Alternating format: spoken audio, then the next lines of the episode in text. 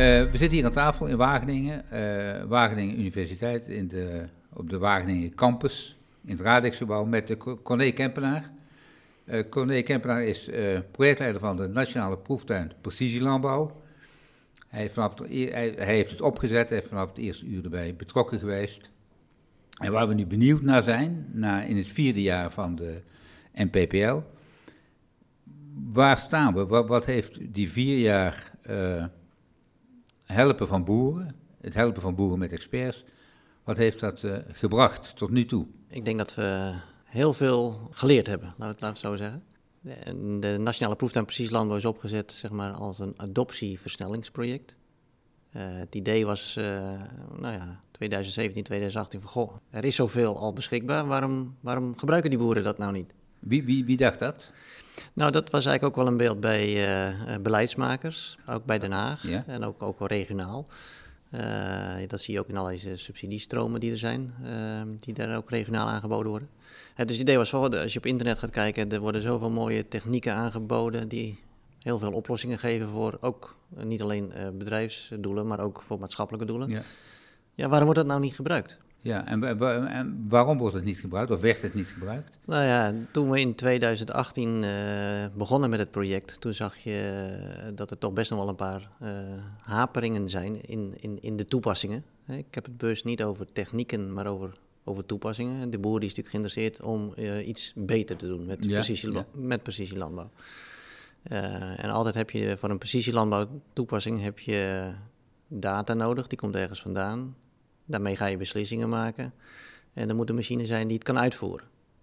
Nou, Ja. dat, die drie op het bedrijfsniveau bij elkaar brengen en dan bijvoorbeeld, ik noem maar even iets, de ene, de, degene die het eerste aandacht kreeg was dat variabel loofdoding eh, bij aardappelen. Was best wel lastig, hè, want die data komt ergens vandaan. Die, die- en de data, omdat de- dat is de, de, de bladmassa. Bijvoorbeeld, ja, dat is, dat is sturen inderdaad op, op bladmassa. Nou ja, waar komt die data vandaan? Je kunt het bij een satelliet vandaan halen, of bij een drone, of bij een, bij een sensor die je op je machine hebt gemonteerd. En dat, dat was er niet in feite. Ze waren er wel, maar eh sommige zitten best wel investeringen aan. Ga ik daarvoor of niet? Wat, wat, nou ja, de- Nee, ze, zaten dus, ze waren wel, maar niet op individuele bedrijven. Waar, precies.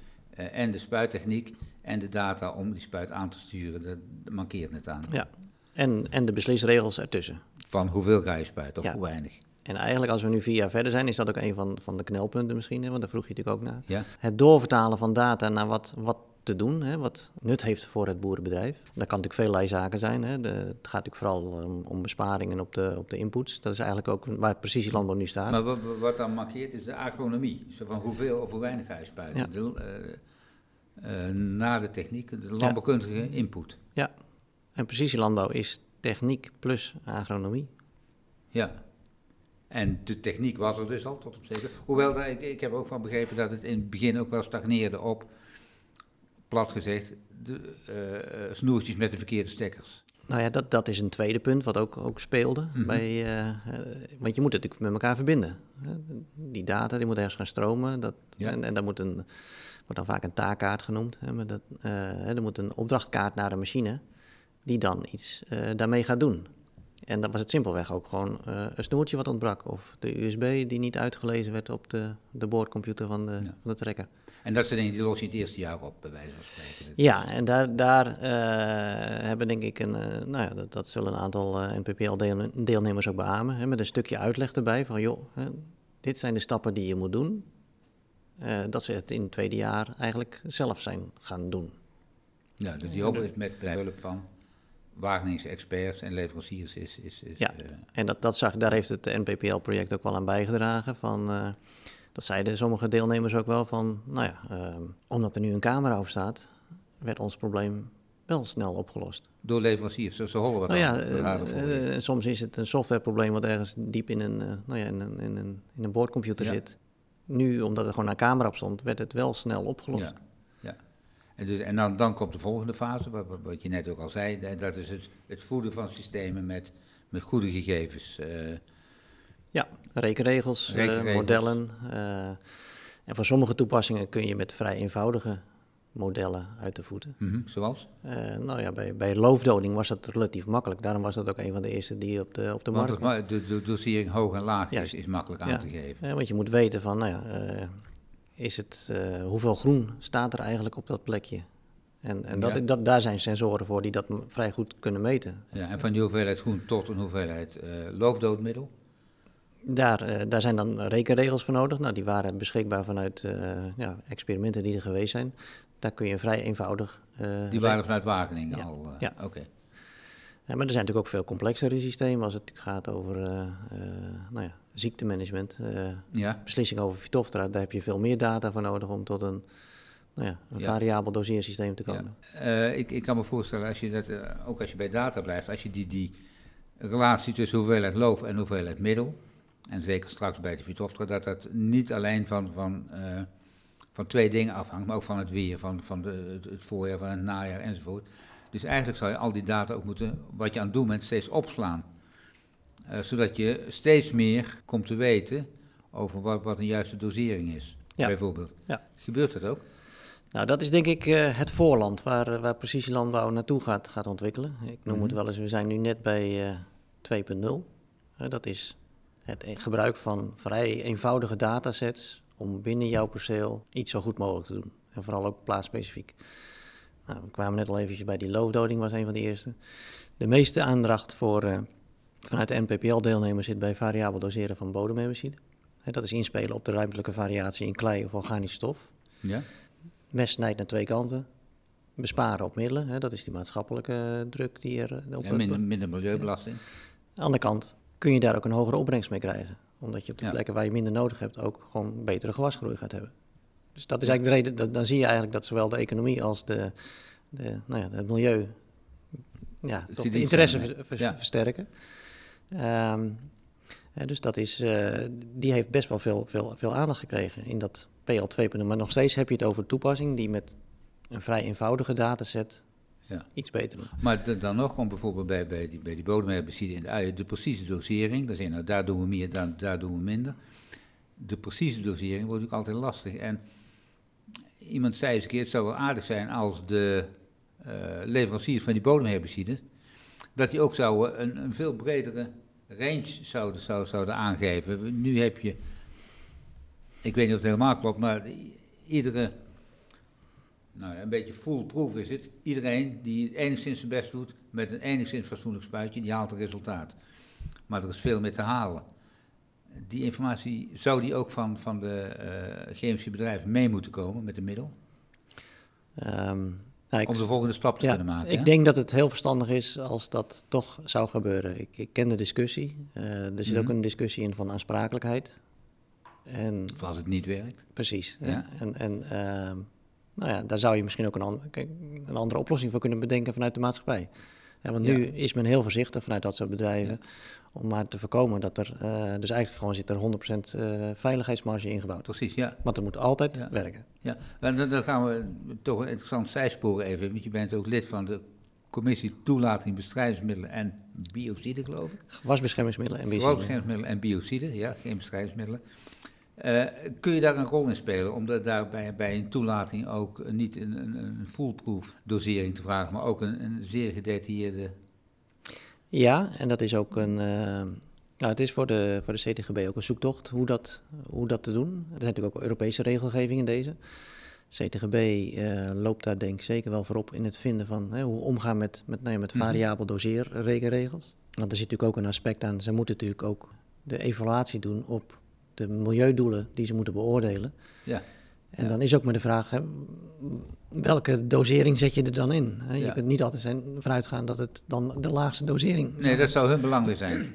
Dat zou hun belang weer zijn om bij, bij de aanvraag van een toelating de laagste dosering. Ja, dat Ja. zal de aanvrager zal dat dan naar voren. Maar zij moeten inschatten wat er reëel is. Nou ja, dat- dus daar, die zoektocht, zoektocht is gaande.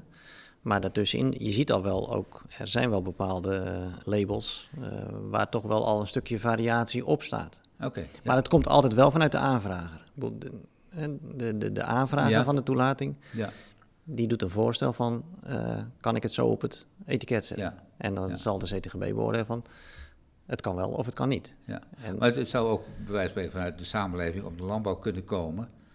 Eh, zo van, geef ons ook gewoon een, goed advies om hoe, naar hoe laag we kunnen. Ja, dus ik, misschien zou het wel handig zijn als we een beetje van die uh, claimcultuur afgaan. Van als iets misgaat, hè, dat er dan gelijk ja. grote rekening gaan. Dat is wel remmend op het, uh, het adviseren van scherpere doseringen. Ja, en het zou ook een stimulans zijn om, om met precisie aan de gang te gaan. Je kunt er ook meer op afgerekend worden dan als je met lage dosering aan de gang gaat. Precies, en, en, en dat is een stukje discussie die nu ook gaande is. Van, kijk, de, het is absoluut duidelijk dat de komende uh, jaren middelen niet meer toegelaten zullen kunnen worden ja, op basis ja. van hoe ze nu geregistreerd zijn. Ja. Maar als ze uh, bijvoorbeeld bij een, een, een, halvering van de dosering zouden ze misschien nog wel toegelaten kunnen zijn. Hè? Ja, dat, dat is een, Revlon is er ook een, een loofdoodmiddel, een mooi voorbeeld van. Ja. Dat had misschien Precies, dat, dat, dat was zo'n voorbeeld. Worden. Ja. ja.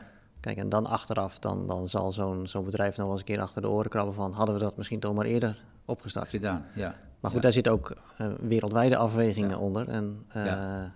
Nee, maar, dat is ook een traject wat naast de techniek en naast data verzamelen... dat is ook een traject waar dan de, de chemische industrie of wie dan ook... Ja. of CTB mee, mee bezig is. Want dat is, en in ieder geval weet ik zeker... dat soort bedrijven doet ook wereldwijd heel veel effectiviteitsproeven. De data hebben dus ze. Ze weten, weten wel veel. De, de, data hebben ze. Ja. Dus ze kunnen, ze kunnen rekenregels voor gewasbeschermingsmiddelen maken die uh, op basis van één of twee uh, factoren variabel gemaakt kunnen worden. Ja, ja zodat telers als ze bij, bij variabel uh, uien spuiten, niet zeggen nou ik, doe, ik ga er met 10 of 20 procent boven zitten en 10% onder en kijken wat het resultaat is. Er zijn tientallen, als het gaat over die uien, de tientallen proeven op verschillende grondsoorten. Dus, en van die grondsoorten weten ze ook echt wel wat het kleigehalte is of het organisch stofgehalte. Ja. Nou ja, dan heb je eigenlijk de basis voor de rekenregel. Ja. Uh, laten we het ook nog even hebben over het verdienmodel van uh, precisielandbouw. Uh, dat was vier jaar geleden was dat een, kennelijk een knelpunt. Er kon veel, maar omdat bij gebrek aan verdienmodel gingen boeren niet mee aan de slag. Althans, of gebrek aan perspectief op een verdienmodel. Nu heb ik hier het, de Nationale Agenda Precisielandbouw de versie van 2020. En daar staat heel prominent, staat daar in een schema met uh, hoeveel, 16, 20 blokken. Geen verdienmodel zoals bij biologisch. En daar staan een heleboel andere knelpunten voor precisie landbouw. En daar kun je van zeggen, of dat zeg ik van, als dat verdienmodel in orde is, of zelfs dik in orde zou zijn, dan verdwijnen al die andere knelpunten binnen de kortste keren, namelijk dan is er geld om die op te lossen. Hoe, hoe kijk je daar tegenaan? Ja, um, ja, verdienmodel is natuurlijk altijd uh, heel belangrijk. Um, misschien nog heel eventjes ook. Kijk, uh, eigenlijk iedere boer is natuurlijk wel met een stukje van precisielandbouw bezig. Het is alleen de mate waarin. Hè? En als je zegt, het klopt, er zijn er nog weinig die echt het als een centraal concept neer, neerzetten. Hè? Maar iedere boer zal natuurlijk proberen zo, zo, zo precies mogelijk te werken. Ze doen altijd maar wel een beetje. Uh, en waarom het niet groter is, is dat ze natuurlijk toch wel tegen, tegen investeringen aanhikken. Alles kan veel preciezer, hè, maar het heeft te maken met investeringen. Nou, uh, in ook nog best wel een onzekere omgeving van, van, van regels die, die aangepast gaan worden. Hè. Je kunt nu een, een, spuitmachine kopen die per dopje doseert. Maar even plat gezegd, die kost 100.000 euro extra dan een gewone Nou, ik heb het ook, uh, vorige week, uh, of 30 of 40.000 euro extra, extra. En uh, een van de NPPR's die zegt als hij daar per jaar 1700 hectare, maal 10, 17.000 hectare mee spuit, dan kost het maar een paar euro per hectare, per hectare extra. Dus is dat een kwestie van bewustwording of is het... Ja, nou ja, maar da daar zie je... Het viel me mee, moet ik zeggen. Daar zit natuurlijk het schaaleffect zit daarbij in. Ja. dus, dus je hebt wel een bepaalde omvang van een bedrijf nodig. En met die, wat zei je, 1700, 17.000 hectare? 1700 hectare spuiten ja. Oh, dat, dat, als je veel aardappelen hebt, dan schiet het gauw op. ja, uh, precies. Dat is bij, bij... Maar waar, waar dan wel een vraag zit, hè, en ik zie die getallen ook wel voorbij komen, is dan, hè, dan krijg je het getalletje over de besparingen. En soms zie je berekeningen waar, waar 80 of 90% besparing in staat. Ja. Maar ik denk dat bij die aardappelen, uh, als, als je flink door aardappelen gedefinieerd bent, zeg maar, hè, dan gaat de techniek hooguit 20% aan besparing opleveren. Ja, dus, dus, dus die, dus die 40.000, je, kunt, je kunt hem eh, arm en rijk rekenen, maar het hangt heel erg van de toepassing af. Kijk, bij onkruidbestrijding, hè, in sommige situaties komt onkruid heel selectief voor. Daar gaat het je lukken dat je af en toe maar, maar nou ja, tot 80% besparing kunt komen. Maar het gros van de boeren kijkt natuurlijk, wat kost het me en wat gaat het me opleveren? En ben ik ervan overtuigd dat het me dat gaat opleveren. Ja. ja, maar als het toch maar een paar euro per hectare is, uiteindelijk, dan, dan je zou mensen, ik, ja, ik, ik huiver een beetje voor om dat te zeggen, maar dat je te weinig ondernemer en te weinig lange termijn perspectief hebt als akkerbouwer. Als je daar nog mee aarzelt, bij de, als je aan een nieuwe spuit toe bent. Ja, dus dat, maar goed, het, het, blijven toch flinke investeringen. En, en ja, op de achtergrond speelt natuurlijk ook een stukje onzekerheid bij. Uh, mag ik bepaalde middelen nog wel gaan gebruiken in de toekomst? Mm dus de, de, de, het klimaat voor, voor investeringen en de marges in de, in, in de, in de akkerbouw, daar hebben we het natuurlijk van nu over. Ja. ja, schiet er nog niet op. We hebben ook, ook een NPPL-teler die nu voor dit jaar gezegd heeft van... ik ga dit jaar toch even voorzichtig zijn met, met investeringen in, in nieuwe technieken. Want uh, nou ja, de uienprijs schiet niet op. Uh, De weersomstandigheden op dit moment, uh, in ieder geval op zijn bedrijf, die, die werken ook niet mee. dus daar, daar zie je het al, dat, dat men toch voorzichtig is met investeringen. Ja, uiteindelijk moet het moet uit de cashflow komen. En wat we wel afgelopen jaar toch geleerd hebben bij, bij, bij, bij NPPL, daar ging het vaak over boeren gaan aan de slag met data van een perceel, met doorvertaling naar wat te doen. Hè. Daar komt dan een besparing in middelen van, van, van 20 tot 30 procent uit, gemiddeld genomen. Een keer uitschiet naar boven, maar ook wel eens naar beneden. Dat hangt gewoon van de situatie af. Hè, dan, dan, dan, dan, dan heb je, en dat hebben ze dan vaak toegepast met een, uh, een kunstmestrooier of een, een, een, spuit of een zaaimachine of een pootmachine die ze al hebben. Hè, dus die, die op een bepaalde, niet op het hoogste niveau van precisie kan, kan, kan opereren. Nou ja, dan, dan worden er nou ja, hooguit 1, 2 tientjes per, per behandeling bespaard. En daar moet wel uh, de data uitbetaald worden. En wat je dan vaak ziet, is, en, en ook de extra tijd, want je, het kost je ook wat extra tijd. Zo simpel is het ook. Dus op dat schaalniveau zie je eigenlijk dat de kosten en de baten... Extra tijd in, in, in de voorbereiding. In, ja, ja, je moet toch een keer achter die computer gaan zitten. Je moet met, je, met je memory stickje naar je trekker toe lopen. En dus het kost wat extra tijd ook. En dan zie je eigenlijk dat uh, als er geen hogere opbrengst komt, dat de kosten en de baten eigenlijk bij die setting, hè, bij, bij, bij ja. uh, grofweg gelijk zijn. Ja.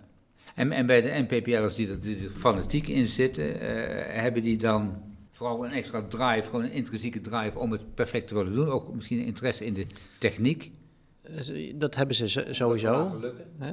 En, en, en, en, je ziet het ook eigenlijk waar, waar dan de interesse zit. En dat geldt eigenlijk ook voor de, de toepassingen die een hogere opbrengst kunnen geven. We hadden het over die bodemherbicide. Mm Maar ook uh, die plantdichtheid bij, bij, bij gewassen, bij aardappelen. Daar zit eigenlijk de meeste aandacht vanuit de akkerbouw. Ja. Want het zijn tegelijkertijd ook zaken die wel uh, een hogere opbrengst kunnen geven. Kijk, en dan, dan pas wordt die interessant.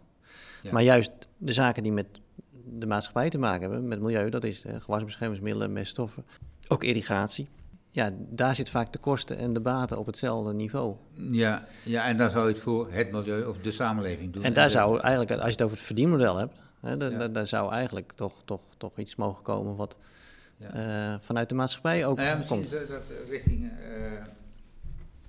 nou, misschien is het extreem, maar het Planbureau voor, voor de Leefomgeving kwam, kwam uh, deze dagen met een rapport. Dat maakt delen van Brabant, Gelderland, landbouw ook akkerbouw, eh, eigenlijk onmogelijk, omdat er altijd uitstoot is of, of eh, milieu-impact. Behalve dat het zeer extreem is, je zou ook je af kunnen vragen, zou je met toepassing van precisielandbouw zodanig de milieu-impact kunnen verlagen, dat je dan zegt, nou ja, onder die voorwaarden van, lage dosering en daarmee onder de voorwaarden van precies boeren, dat je toch een soort license to, to produce houdt of creëert. Is, of, of eh, gaat dat te ver? Nou, ik denk dat daar echt wel een oplossing ligt voor de, nou ja, de, de impasse in de discussie waar we nu zitten. En ook een, een, een, een, een, een, uitweg waar eigenlijk iedereen wel nou ja, nog tevreden over kan zijn. Er zitten meerdere aspecten aan. Kijk, eh, overduidelijk uh, gaat er dus minder uh, middelen gebruikt worden. En je kunt ook nog sturen op de middelen die je kiest. Dus, dus, dus de milieuwinst ga je sowieso scoren. Je kunt het ook nog, uh, wat de maatschappij natuurlijk eigenlijk ook wel wil, is, is een stukje verantwoording. Of, uh, dus, dus via data kun je ook laten zien wat je gedaan hebt. Dus die, die verantwoording. Zie je trouwens ook Europees nu gebeuren, dat uh, de grote bedrijven, de, de multinationals, die, die zijn ook echt wel aangesproken dat zij ook moeten laten zien dat ze groener zijn. En die zijn ook aan, aan het sturen op... op groener zijn dan ze waren. Ja, en, En, en, en ook hun best doen om, om, om als er iets dan gebeurt, het zo nou ja, science-based laten gebeuren. Dus er is, komt steeds meer vraag ook voor de, dat tussenstapje in precisielandbouw, voor die beslisregels. Hoe gaan we zorgen dat die ook op het bedrijf terecht gaan, gaan komen? Dus dat is een, een, een, tweede lijn daarin. Er is uh, een precisielandbouw 2.0 ontstaan. Hè? Komt er ook een NPBL 2.0, want we zitten in, in het laatste jaar. Een NPBL 2.0 waarbij dus opnieuw experts, nieuwe groepen boeren, ja, eigenlijk op, op pad gaan helpen. Nou, heel, uh, ja, positief nieuws. Uh, het ministerie van uh, eh, LNV is, is nou ja, zeer enthousiast voor, over MPPL. Omdat we toch dingen naar het, nou ja, naar het boerenbedrijf brengen en, en, laten zien hoe dat daar werkt. En, nou ja, we, we, leren er echt heel veel van. er komt een vervolg, die zijn we wel nu aan het uitwerken.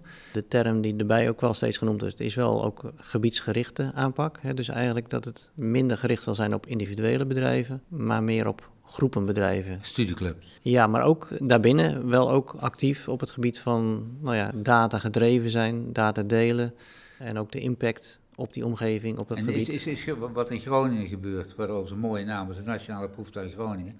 Is dat daar een voorbeeld van? Dat is de, wel een, een voorbeeld, hè, want dan, dan, zie je dat, dat we, hadden natuurlijk een, één NPPL-deelnemer. En daar is een groep om, omheen ontstaan. En, en nou ja, die zijn dan vooral actief geworden op het vlak van data delen over uh, uh, nou ja, variabele plantdichtheid van, uh, van aardappelen. ja. Maar dat, dat, soort, dat soort voorbeelden moet je aan denken. Je kunt in Zeeland of in Zuid-Holland en. Flevoland, kunt dat soort clubs ontstaan die daar ook weer stappen ja, En dan, nou ja, goed, in, in Groningen ging het natuurlijk vooral over een onderwerp wat te maken heeft met, met nou, eigenlijk een agronomische uitdaging. Ja. Waar de, de, de milieukundige kant wat minder, nou ja, eh, evident is. Mhm. het, het, zal wel meer over stikstof en, en gewasbescherming en, en, watergebruik onderwerpen gaan in de, in de volgende fase. Wanneer gaat dat de kogel door de kerk? Of is die kogel door de kerk? Um, hij gaat uh, eind oktober gaat hij door de kerk. Dan weten we het zeker. Dan weten we het zeker, maar de, de, de vraag vanuit het ministerie ligt er om het, om het voor de komende vier jaar uh, te gaan optuigen. En dat heet dan ook nog NPPL of komt er weer een... Nou, ik denk dat we, we hebben de werktitel NPPL 2.0. Oké, okay, houd in de gaten. Dankjewel. Wil je meer weten over uh, precisielandbouw, over stappen die erin gezet worden? Uh, kijk naar het thema precisielandbouw op boerderij. En kijk ook naar de uh, site van de Nationale Proeftuin Precisielandbouw. Daar zijn ook de vorderingen steeds te volgen.